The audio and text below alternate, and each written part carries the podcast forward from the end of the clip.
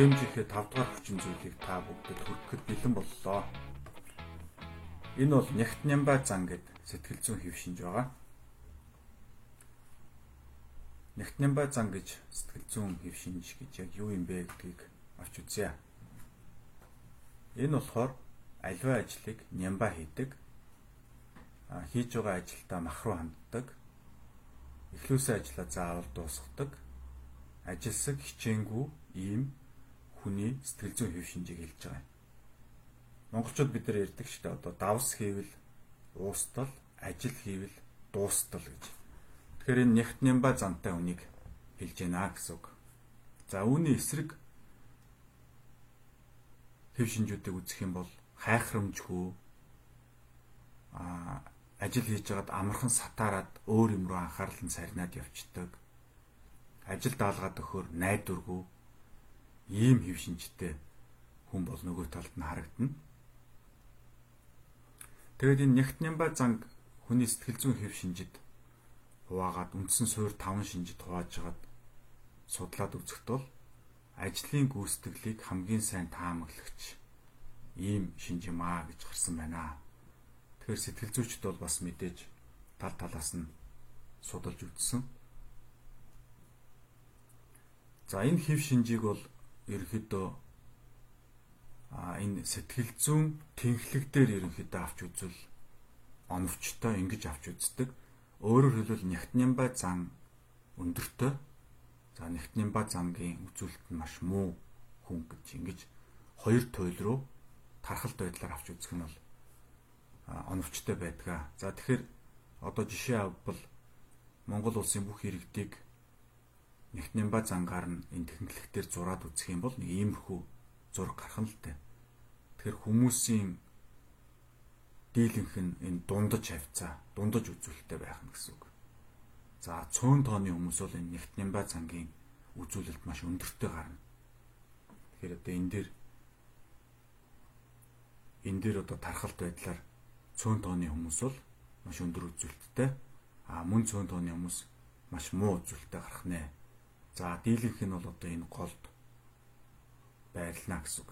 За дэлхийн улс орны хүмүүсийг бүгдийг нь одоо 7 тэрбум хүнийг ингээд зураад үзэх юм бол монголчууд энэ хавьд байх нь уу эсвэл энэ хавьд муу үзүүлэлт рүү байх нь гэдэг бас юм сонирхолтой бас зүйл гарч ирэх юм бэлээ. Тэр энийг бол явандаа бас судалж үзье гэж бодож байна. За тэгэхээр зарим хүмүүс бол одоо өөрийгөө хэмжээд үзэхээр муу үзүүлэлттэй гарах нь байна. За зарим нь бол дундаж хавцаа гарах нь байна. За зарим хүмүүс бол өндөр үзүүлэлттэй гарах нь байна. Тэгэд ер нь бол баруунд бизнесийн байгууллагууд нягт нямбай зан одоо энэ зангийн сэтгэл зүйн судалгаа аваад үзэхээр өндөр үзүүлэлт үзүүлж байгаа хүмүүсийг ажилд авах сонирхолтой болсон байна. За сэтгэл зүйн олон судалгаа явуулсан гэж би өмнө нь хэлсэн. За нэг судалгааг жишээ болгож дурдъя.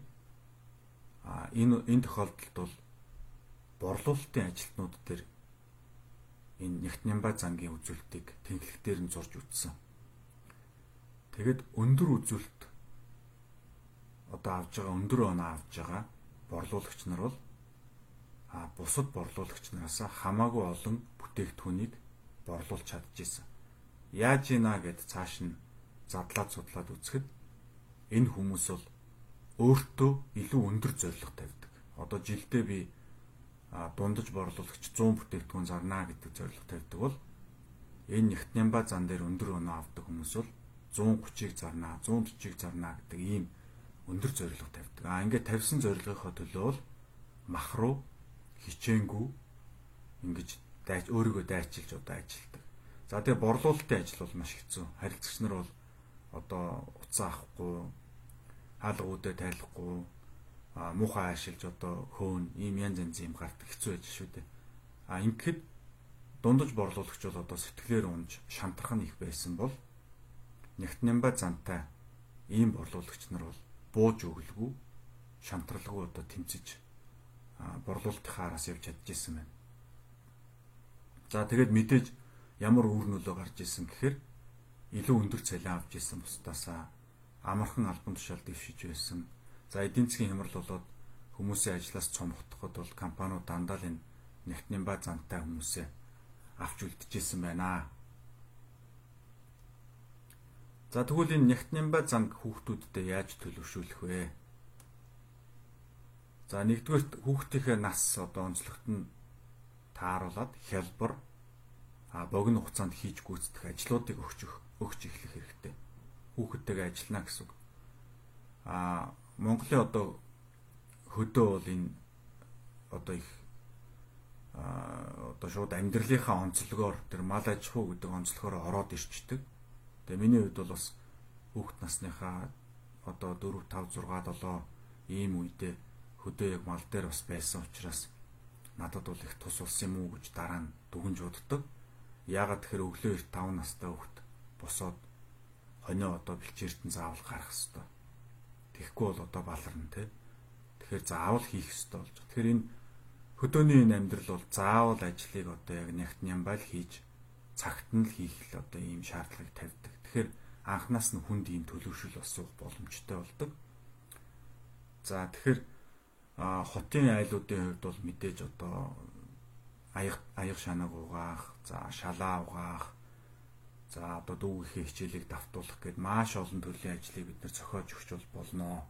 Тэгээд энэ ажлууд бол илүү хийс үрхэхээсээ илүүтэй боддоор гараараа хийх, нүдэрээ харж хийх ийм барьж мэдэрч хийх ажлууд байвал хүүхдэд илүү ойлгомжтой, оновчтой болно.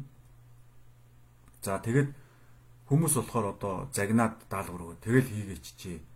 Ингээл хийчихгүй юу гэд ингээд загнаад байдаг. Ингэж болохгүй. Тэгээ наат ч одоо насан туршаагүй туршлага багтай юм хүн болж юу амтэн шүү дээ. Тэгэхээр яаж хийхийг заавал үлгэрлж үзүүлэх хэрэгтэй. Нэг удаа биш бүр хэд хэдэн удаа давтан давтан үлгэрлж үзүүлэх хэрэгтэй.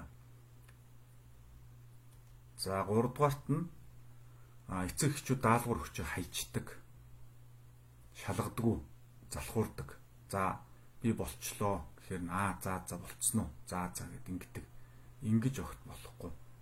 Яг зуудаг нохоо шиг ажлын чанарыг өөрийн биеэр шалгаж дутагдaltaй доголдолтой ажил байвал заавал давтан хийлгэж чанарыг заавал тэр тогтоосон стандарт хүргүүлэх ёстой.